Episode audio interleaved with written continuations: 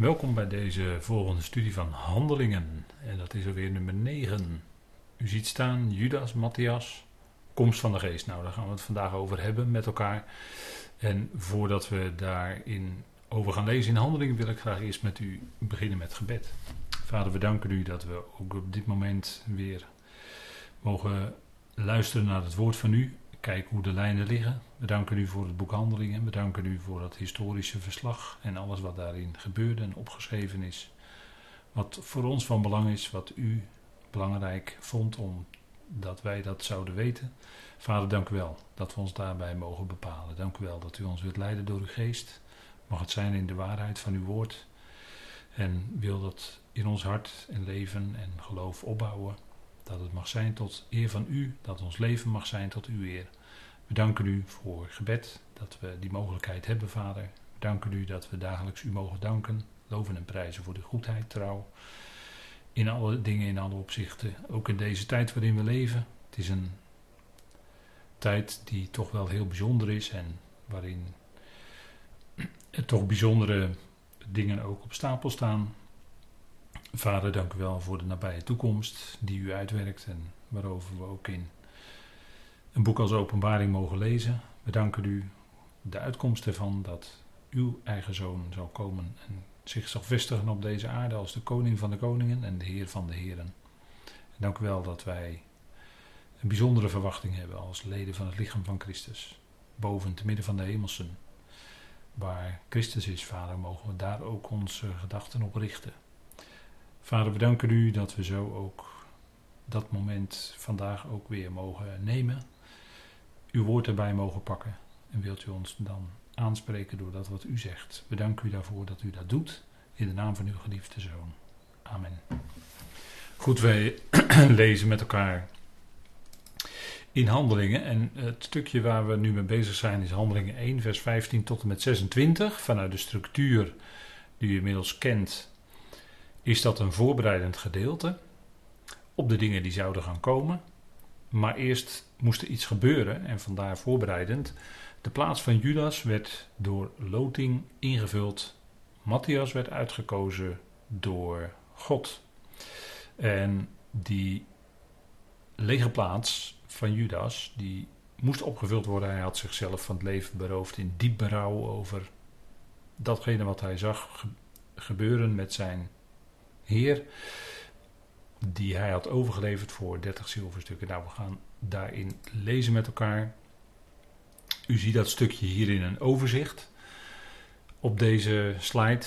En dan zien we dat in vers 15 en 16 de vervulling van de schrift genoemd wordt. Judas, vers 17, Judas als een van de twaalf gerekend zijn deel. Judas einde, kennis omtrent Judas einde, vervulling van de schrift, Judas. En vers 21 tot en met 26 dan Matthias als een van de twaalf gerekend. En zijn deel in dat gebeuren. En er staat er in Handelingen 1 vers 15. En in die dagen stond Petrus op te midden van zijn discipelen. Er was namelijk een menigte bijeen van ongeveer 120 personen en sprak. En in die dagen, wat voor dagen waren dat? Nou, dat was op weg naar de vijftigste. En dat lezen wij in Handelingen 2 vers 1. Waar staat, en toen de dag van het Pinksterfeest vervuld werd. Eigenlijk staat het toen de dag van de vijftigste, Pentecoste, vervuld werd. Waren ze alle eensgezind bijeen. Dit waren de dagen. Vanaf Pesach moest men rekenen. Zeven sabbaten tot aan het Shavuot, het wekenfeest. En dan zou de vervulling van de belofte van de Vader komen. En in dat wekenfeest, dat is ook de gerstenoogst. Er werd de eersteling van de gerstenoogst aangeboden. En gerst dat heeft te maken met koningschap. Rut kwam, en dat is die prachtige geschiedenis. En Shavuot heeft natuurlijk ook alles te maken met Rut en de lezing van Rut. Het boek Rut, een van de mooiste boeken van Tenach. Met Esther samen wel hè, prachtige geschiedenissen. Wonderlijk om te lezen hoe de Heer zijn volk en ook de lijn, de koningslijn bewaarde. En daar gaat vooral Rut over. Zij kwam, in, zij kwam met Naomi, kwam met Rut en Orpa in de tijd van de gerstenoogst in het land. En daar gaat die hele geschiedenis lopen. Bij Boas op die dorsvloer. gerst. En gerst is, ja, dat heeft, dat heeft te maken met koningschap. En dat voert even te ver om daar nou heel diep op in te gaan. Maar gerst is in ieder geval datgene. Hè. Eerst was het tarwe op het feest van de ongezuurde, Pesach en het feest van de ongezuurde, tarwe, oogst. En dan 50 dagen later het, de gerstenoogst. En gerst heeft te maken met koningschap. En dan zitten we weer midden in ons onderwerp, want het is het koninkrijk waar het om gaat. Hè? De lijn van het koninkrijk wordt vanuit de evangelie doorgezet in handelingen. Vandaar dat er staat, en in die dagen, de Heer had veertig dagen lang met hen gesproken over de dingen die het koninkrijk van God betreffen, of aangaande. En dan waren er nog enkele dagen te gaan. Een dag of tien hooguit, maximaal tot aan de dag van Pinksteren, de vijftigste. Pinksteren betekent eigenlijk, eh, het is bijna letterlijke vertaling van het woord Pentecoste, dat is het Griekse woord. Maar Pinksteren is natuurlijk letterlijk vijftigste. En dan zou er iets bijzonders gaan gebeuren. De vervulling van de belofte van de Vader. Zij wachten daarop. De komst van de Geest. En dat zou ook gaan gebeuren. Dat was dus ook tegelijkertijd de tijd van de gerstenoogst. Tijd waarin hè, bij Rut, zo kwamen ten tijde van de gerstenoogst, zegt Rut 1 vers 22, in het land. En dan gaat die hele geschiedenis met Boas en waaruit uiteindelijk dan Rut huwt met Boas en dan komt daaruit David voort. Hè. De koningslijn wordt voortgezet richting Samuel David, de koning. Dus het gaat helemaal over dat koninkrijk. En dat is natuurlijk de achtergrond.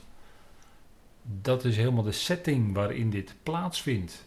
Israël de dagen die in Tenach genoemd waren, die in Torah genoemd waren, in Leviticus 23, vers 15 en 16, hè, dat men zeven sabbaten moest tellen, dat is helemaal de setting van dit gebeuren. En dan is er nog helemaal niets, maar dan ook werkelijk helemaal niets te merken van ook maar, dat maar iets zou kunnen lijken op de ontwikkeling of het ontstaan van de gemeente of de kerk of wat dan ook. Nee, daar had het helemaal niets mee te maken alles met Israël te maken. We gaan verder, volgende slide.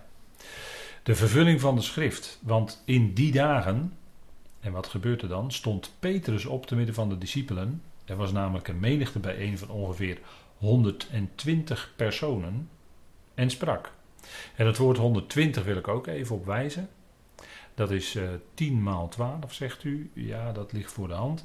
Maar dat is niet, niet zomaar 120, dat het een veelvoud is van 12. Want het ging ook erom dat die 12 weer vol zouden zijn. Er waren er 11, moest er één bij komen. Leeggevallen plek 12. 12 heeft in de schrift te maken, en dan komen we in de getallensymboliek.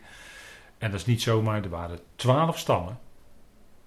En die waren bedoeld om te regeren als priesters dus 12, 12 in de schrift heeft te maken met regering, met heerschappij. En dat, dat weten we ook 12 maanden in een jaar. Dus die, die, die tijdrekening die regeert het jaar. En dan zien we hier 120 personen bijeen. 10 keer 12, dus het heeft te maken met 12. En hier is, gaat het ook in het vervolg dan om de aanvulling van die 11 met die ene tot 12. 12 heeft te maken met regering. Bij 11 ben je er nog niet. 10 en 10, 10 keer 12, 10 heeft te maken met het woord. De 10 woorden in Genesis 1. De 10 woorden op de Sinaï. En zo zouden er nog veel meer voorbeelden van genoemd kunnen worden. Maar 10 heeft in de schrift te maken met het woord. En als het woord vervulling vindt in de mens, geloof dus, dan is er sprake van 100 10 maal 10, de vervulling van het woord. Dat wil zeggen dat het geloof produceert. En dat het koninkrijk gaat doorbreken, want dan gaat dat woord regeren. 100. 100 heeft te maken met ingaan in het koninkrijk in de schrift. dat is de, de uiterste ontwikkeling van de tien, zeg maar, van het woord. En dan, ja, dan is de regering daar van God. En dat doet hij door middel van zijn woord dat is dan bepalend, dat is dan leidend, dat is dan regerend.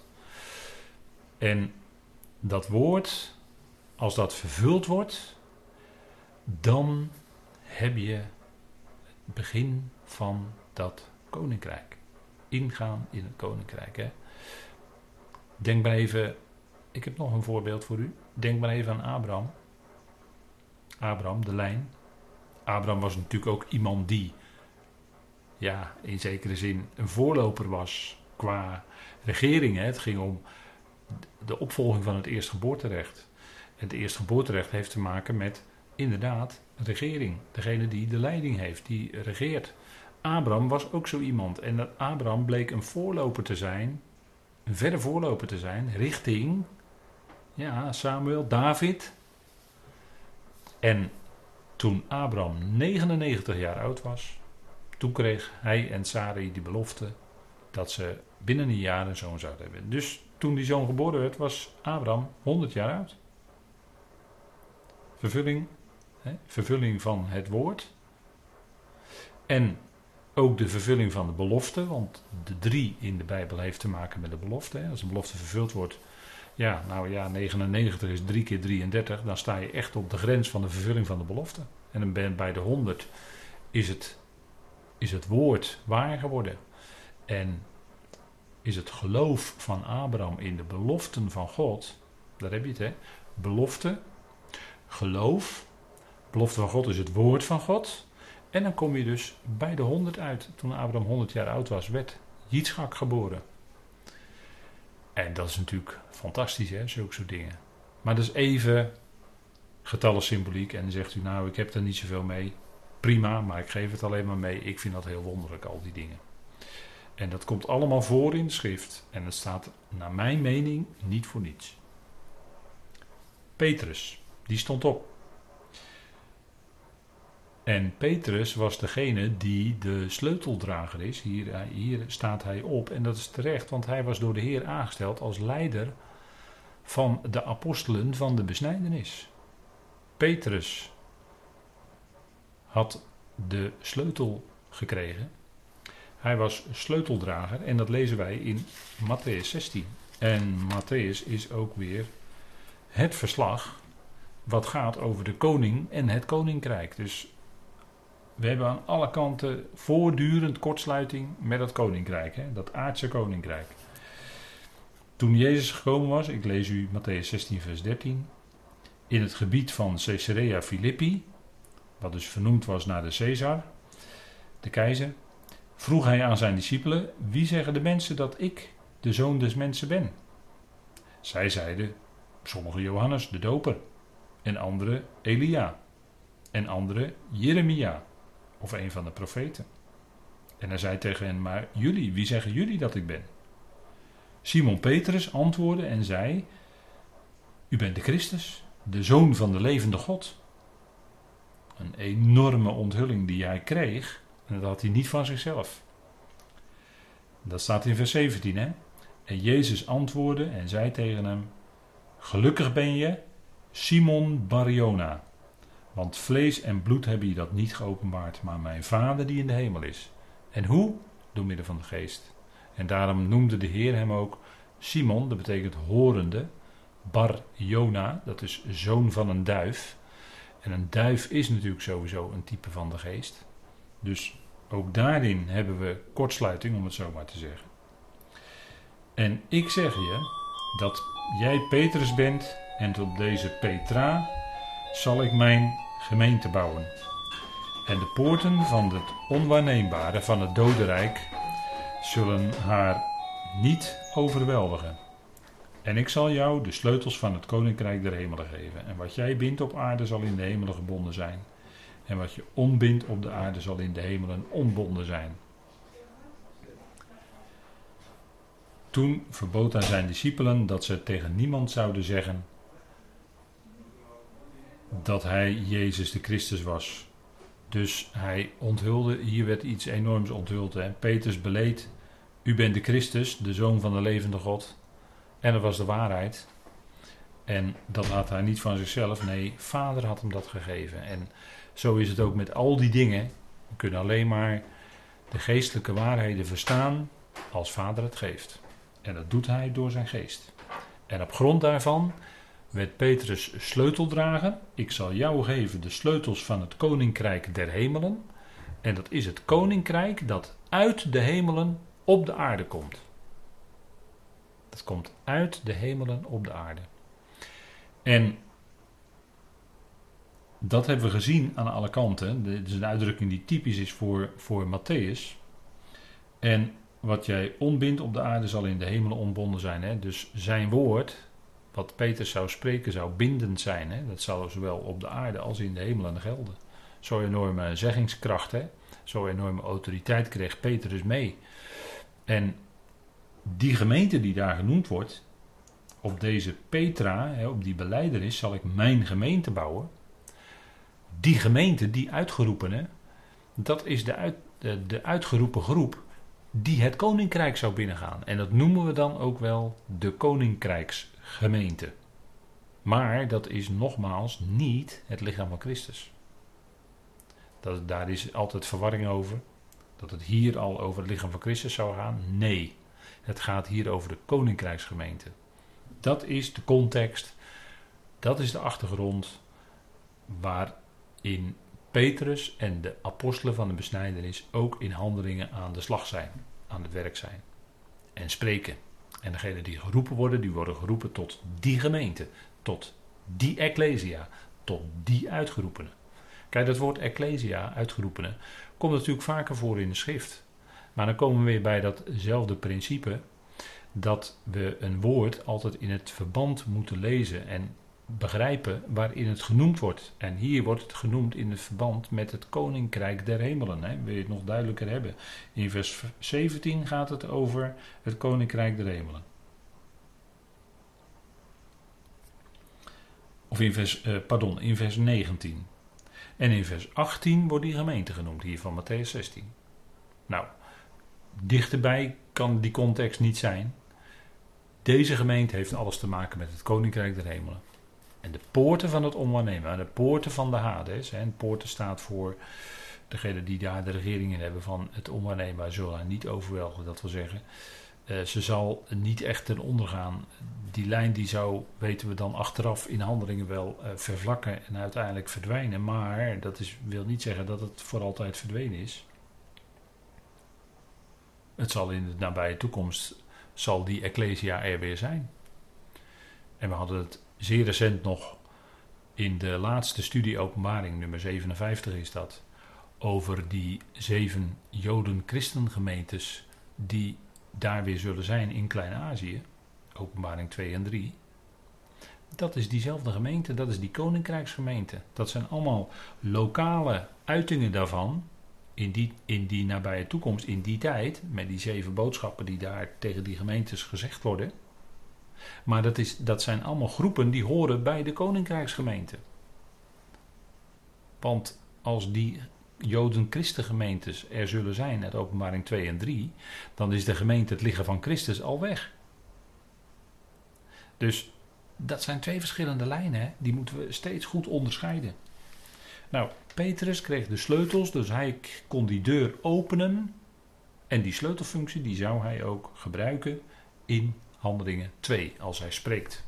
Dan doet hij met zijn toespraak, dat is de sleutel, doet hij die deur naar het koninkrijk voor het volk Israël wijd open. En dan komen er ook veel tot ommekeer. Die gaan nadenken. Bijbelse begrip in de vertalingen is altijd bekering. Maar ze gaan nadenken en het treft hun in hun hart. En ze laten zich in water dopen. En dan komt er een oogst. Want het is op dat moment oostfeest, de vijftigste. Dan is daar die oogst inderdaad. Nou, dat is allemaal koninkrijksgemeente. Dus, en de vervulling, en dat zegt, de heer, dat zegt uh, Petrus dan in uh, Handelingen 2 vers 16. Dan gaan we even snel naar terug. Mannen broeders, dit schriftwoord moet vervuld worden dat de Heilige Geest bij monden van David voorzegde, of tevoren gesproken heeft over Judas, die gids geweest is of geworden is voor hen die Jezus gevangen namen. Of eigenlijk staat er letterlijk gegrepen hebben. Want hij werd bij ons gerekend en had aan deze bediening deel gekregen. Of had het lot van deze dienst Hè, op wie het lot van deze dienst gevallen was, staat er eigenlijk. Daar had Judas deel aan. Hij had, deel aan de dienst van die twaalf. En kijk wat met Judas gebeurde. Dat lezen wij in, dan in die versen. En daarom, eh, dat wordt natuurlijk verteld omdat die, die plaats van Judas leeggevallen was. Hij had zichzelf verhangen. Hè? Dat staat in eh, de volgende versen. Deze dan heeft met het loon van de ongerechtigheid een stuk grond verkregen. Nadat hij voorovergevallen was, barst hij in het midden open en werden zijn al zijn ingewanden uitgegoten, staat er dan. Nou, vreselijk, hè? afschuwelijk, zoiets. Maar hij was zo vol berouw, hij kon niet meer verder. En hij verhing zich en hij viel. En het punt is dat hier wordt gesproken over een stuk grond. En in de vertaling is, zijn de dingen wat vervlakt, maar dat willen we toch even naar voren halen.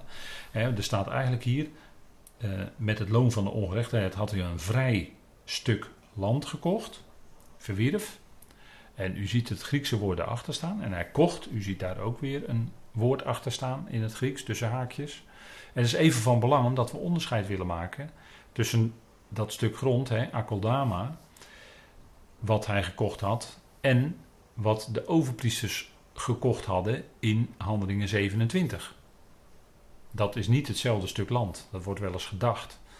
En dan zijn er ogenschijnlijke tegenstrijdigheden in de tekst, omdat er verschillende woorden gebruikt worden. En men komt er dan niet uit. En men zegt dan dat de Bijbel onbetrouwbaar is, enzovoort. Nee, dat is helemaal niet waar.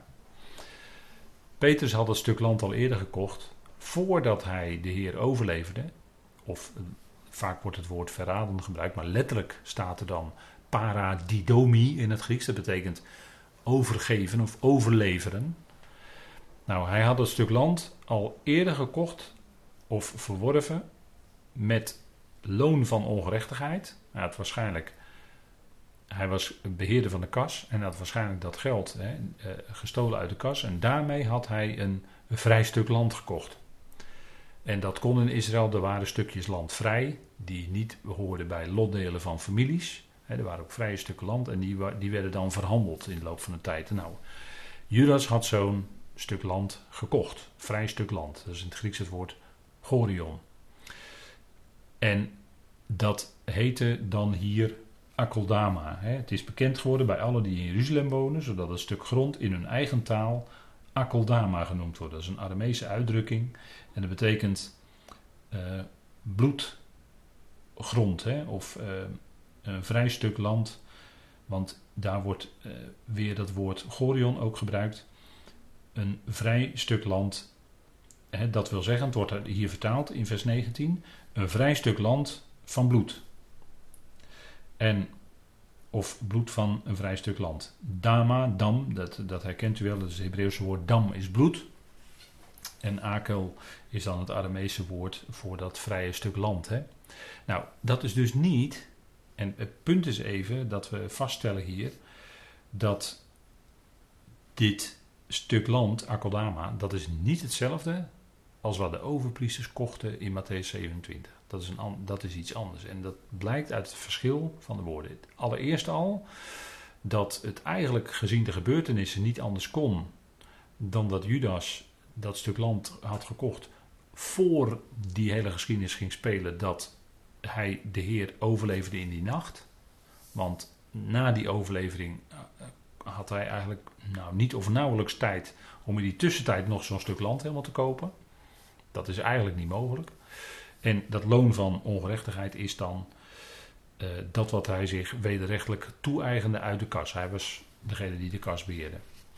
In Matthäus 27, daar wordt gesproken over iets dat de overpriesters kopen met dat geld wat ze van Judas terugkregen. Want hij wierp dat weer terug in de tempel toen hij zag wat er met zijn heer gebeurde. En hij had die berouw. Die overpriesters die kochten dat op de markt. Dus daar wordt een ander woord gebruikt voor het aankopen dan dat we net zagen. Hier wordt het woord agorazo gebruikt en we kennen dat woord ook in het Nederlands wel. Of in het Nederland wordt het ook gebruikt agora, dat betekent markt. Die, uh, soms wordt, dat, uh, wordt er een straat of een plaats uh, wordt zo genoemd in Nederlandse steden. Dus agora betekent markt. Dus de overpriesters hadden een stuk land. En dat was niet een vrij stuk land. Want dan zou een ander woord gebruikt worden. Maar hier, u ziet het hier op deze slide staan. Een stuk land tussen haakjes agros. Daar kennen wij ons woord agrariër of agrarisch van. En dat was gewoon een stuk land, hadden zij gekocht op de markt. Stuk land die kennelijk verhandeld mochten worden. Nou, de overpriesters hadden dat gekocht. Er staat in Matthäus uh, 27, vers 6 tot en met 8. De overpriesters pakten de zilverstukken en zeiden: Het is niet geoorloofd die in de offerkist te leggen, omdat het bloedgeld is. Judas had voor 30 zilverstukken zijn heer overgeleverd aan de overpriesters. Maar hij kreeg diepe rouw en hij gooide die stukken weer terug. En zij raapte en nu, ja, wat moeten we nu doen met die stukken, met die zilverstukken? En nadat zij beraadslaagd hadden, vers 7, kochten zij daarvan de akker van de pottenbakker als begraafplaats voor de gasten, voor de vreemdelingen. En dat is dus iets anders, want dit stuk land wordt gekocht nadat Judas die zilverstukken had teruggegooid. En we hebben net gezien dat het eigenlijk niet anders kan dan dat Judas, eh, dat vrij stuk land wat hij zelf had gekocht, dat moest al aangekocht zijn voordat dat hele gebeuren van verraad en dergelijke zou plaatsvinden.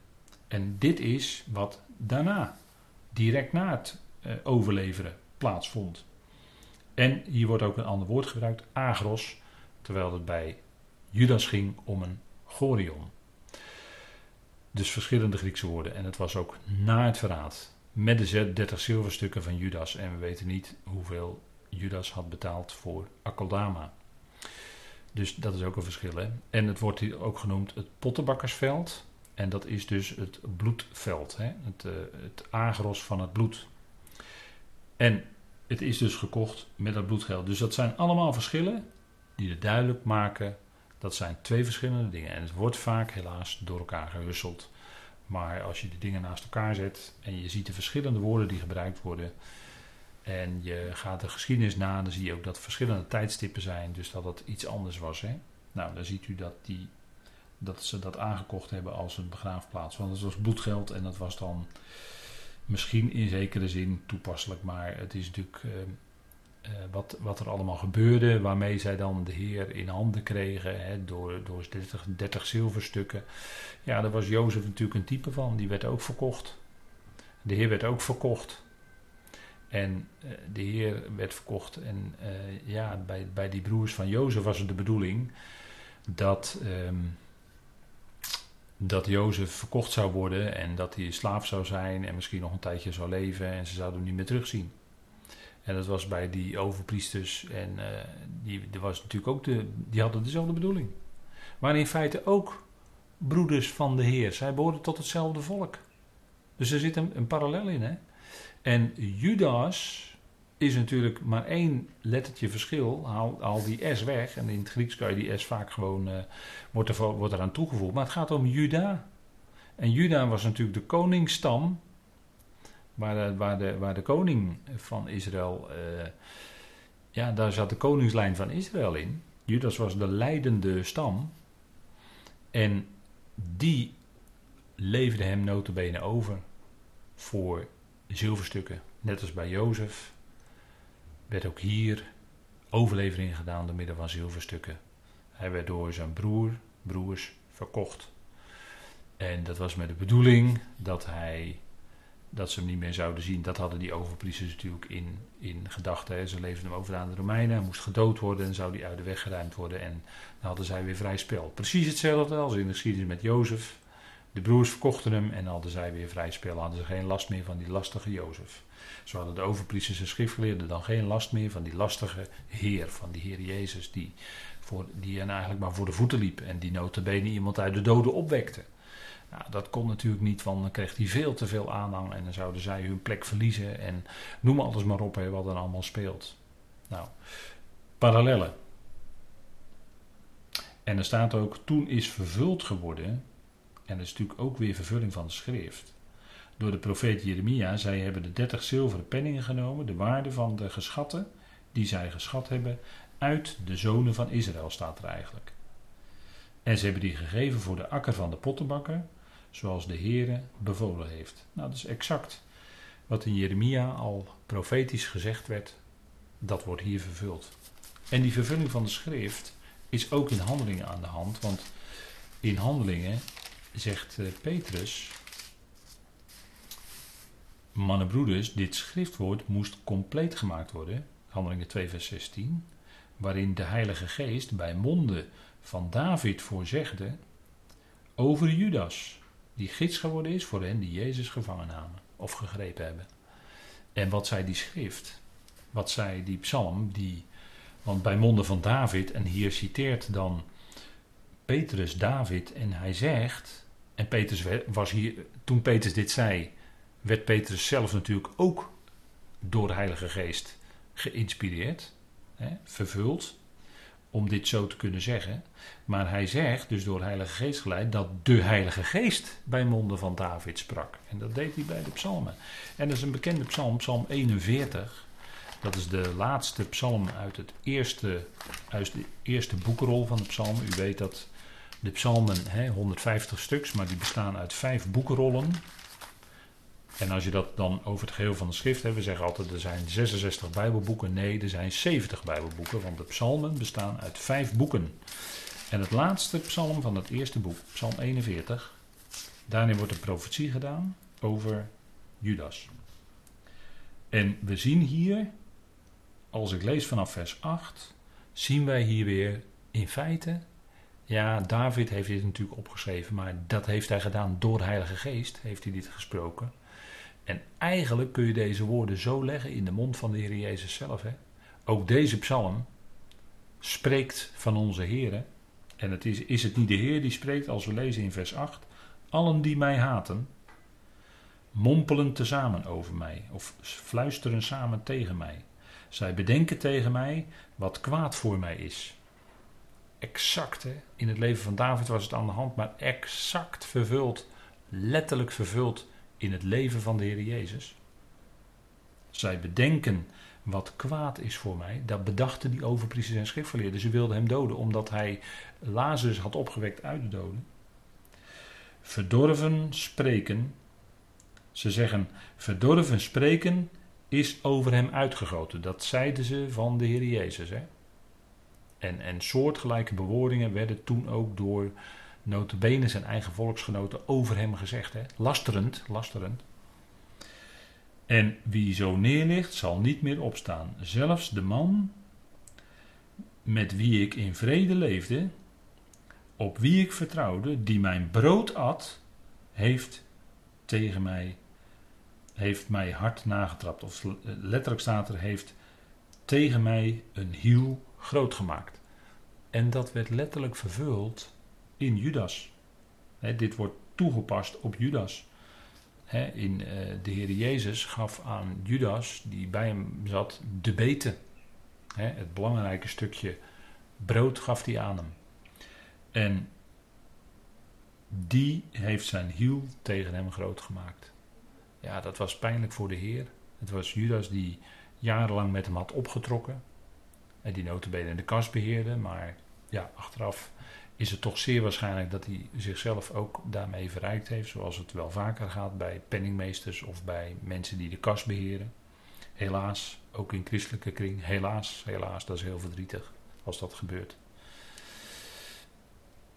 En dan lezen we nog even in vers 11 verder, maar u, Jaweh, wees mij genadig en laat mij opstaan, zodat ik het hun vergeld.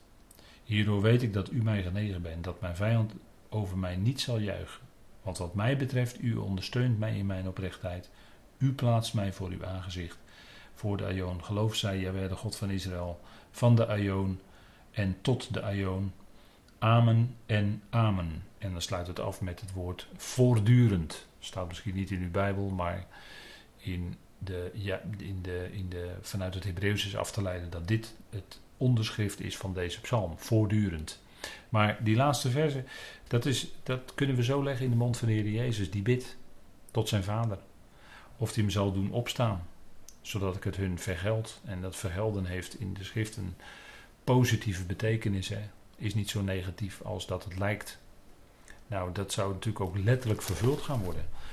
En als we kijken in Handelingen 1, die, uh, die volgende verse, vers 21 tot en met 26, dan zien we dat Matthias hè, gekozen wordt. En ik, ik, ik, geef u dat dan mee voor, voor komende week, om dat dus even aandachtig te lezen en dat te overwegen in uw hart. Dat voor, voor Judas kwam Matthias in de plaats. Eerst kwam Jozef Barsabas naar voren. En zoals het wel vaker is in de schrift met, met mensen die Jozef heten, komen ze eventjes naar voren. Ze komen als het ware even op het toneel, om het zo maar te zeggen. Om dan ook weer direct te verdwijnen en daarna hoor je er ook niks meer van. Dat, dat gebeurt voortdurend bij mensen die Jozef heten in de schrift. Op een of andere manier is dat iets wat daaraan mee verbonden is. Jozef Barsabas Jozef betekent toevoegen. Ik heb het op deze slide eronder gezet. En Barsabbas betekent de zoon van tevredenheid. He, Shabbas, Shabba, Shabo is het dan in het Hebreeuws. En dat betekent tevreden. we, dat komt ook terug bijvoorbeeld in de naam Elisabeth. He, Shabot, Shabo. Uh, dat is uh, God stelt tevreden. Elisabeth betekent God stelt tevreden. Prachtige naam zoon tevredenheid. En Justus, hij wordt ook bijgenaamd Justus, dat we zeggen de rechtvaardige. Er zou op dat moment ook recht gedaan worden, want er moest iets in rechten hersteld worden, de leeggevallen plaats. En dat was dus niet Jozef, maar zij baden. Zij baden, er werden twee voorgesteld. Jozef die Bassabas heette, vers 23, en Matthias. En ze baden zeiden, u Heer kennen van het hart van allen. Wijs van deze twee er één aan die u uitgekozen hebt om deel te krijgen aan deze bediening, namelijk aan het apostelschap, waarvan Judas afgeweken is om naar zijn eigen plaats te gaan. Hij was gedood, hij had zichzelf gedood. En ze wierpen hun loten en het lot viel op Matthias. En hij werd met instemming van allen aan de elf apostelen toegevoegd. En is het niet zo dat de spreukenschrijver zegt: het lot wordt in de schoot geworpen en van Yahweh komt de beslissing. Spreuken 16, vers 33. Hè? Dus uh, het lotwerpen in de schrift, ja, daar, dat laat de Heer niet aan het toeval over. Nee, hij zorgt dat het lot valt op degene die door hem bepaald is. Zo werd het land ook door loting onder Jozua toebedeeld. En zo werd er ook op, steeds op Yom Kippur, werd er gelood. En dan de ene bok die moest dan geslacht worden als het offer van bescherming. En de andere bok was Azazel en die ging dan vrij de woestijn in. Die kreeg de vrijheid. En over die twee bokken op Grote Verzoendag, hè, op Yom Kippur, werd het lot geworpen. En dat was steeds de Heer die dat dan bepaalde natuurlijk. Spreuken 18 vers 18 zegt, het lot doet geschillen ophouden. Nou, dat is een beslissing die dan komt van de Heer en zo ook hier. De Heer koos Matthias uit want het gebed was: Heer, wie heeft u uitgekozen? Want het gold voor al die discipelen, waarvan de Heer Jezus zei: Jullie hebben niet mij, maar ik heb jullie uitgekozen. En dat gold dus ook hier voor Matthias. En dat is een prachtige naam. Matthias betekent geschenk van Yahweh. En die kregen zij hier. Hè? En zo werden de twaalf gecompleteerd. Er waren er weer twaalf. Uitbeelding van regering. En zo konden ze dan als twaalfen die gang verder gaan om het evangelie van het koninkrijk te prediken. En zo konden zij dat koninkrijk ingaan. Nou goed, genoeg voor vandaag. Het is alweer de hoogste tijd, zullen wij de Heer danken. Vader, we danken u dat u door loting aanwees, dat u degene bent die uitkiest, dat u ons hebt uitgekozen al van voor de nederwerping der wereld. Vader, dat is zo bijzonder. We danken u daarvoor. En we danken u dat u tevreden stelt. Vader, dank u wel dat we dat even weer in die naam zagen terugkomen. Zoon van tevredenheid. U, Vader, bent degene die volledig tevreden stelt. Als we eenmaal met u verzoend zijn en dat beseffen, dat niets ons kan scheiden van uw liefde, dan zijn we tevreden. Dan hebben we eigenlijk niets meer te wensen. Dan is het goed. Dan vind je rust. Dan ben je thuisgekomen. Vader, bedank u daarvoor. We danken u dat we ook dit stukje uit handelingen mochten overwegen. Hoe u toen die leeggevallen plek van Judas opvulde. Door loting. Vader, het is geweldig. We danken u daarvoor. We danken u voor uw trouw, goedheid en liefde. Dat u ook dit moment ons weer gaf. En dat we daar volgende week weer mee verder mogen gaan. Vader, wij loven en prijzen u daarvoor. We danken u in de machtige naam van uw geliefde Zoon, onze Heer Christus Jezus. Amen.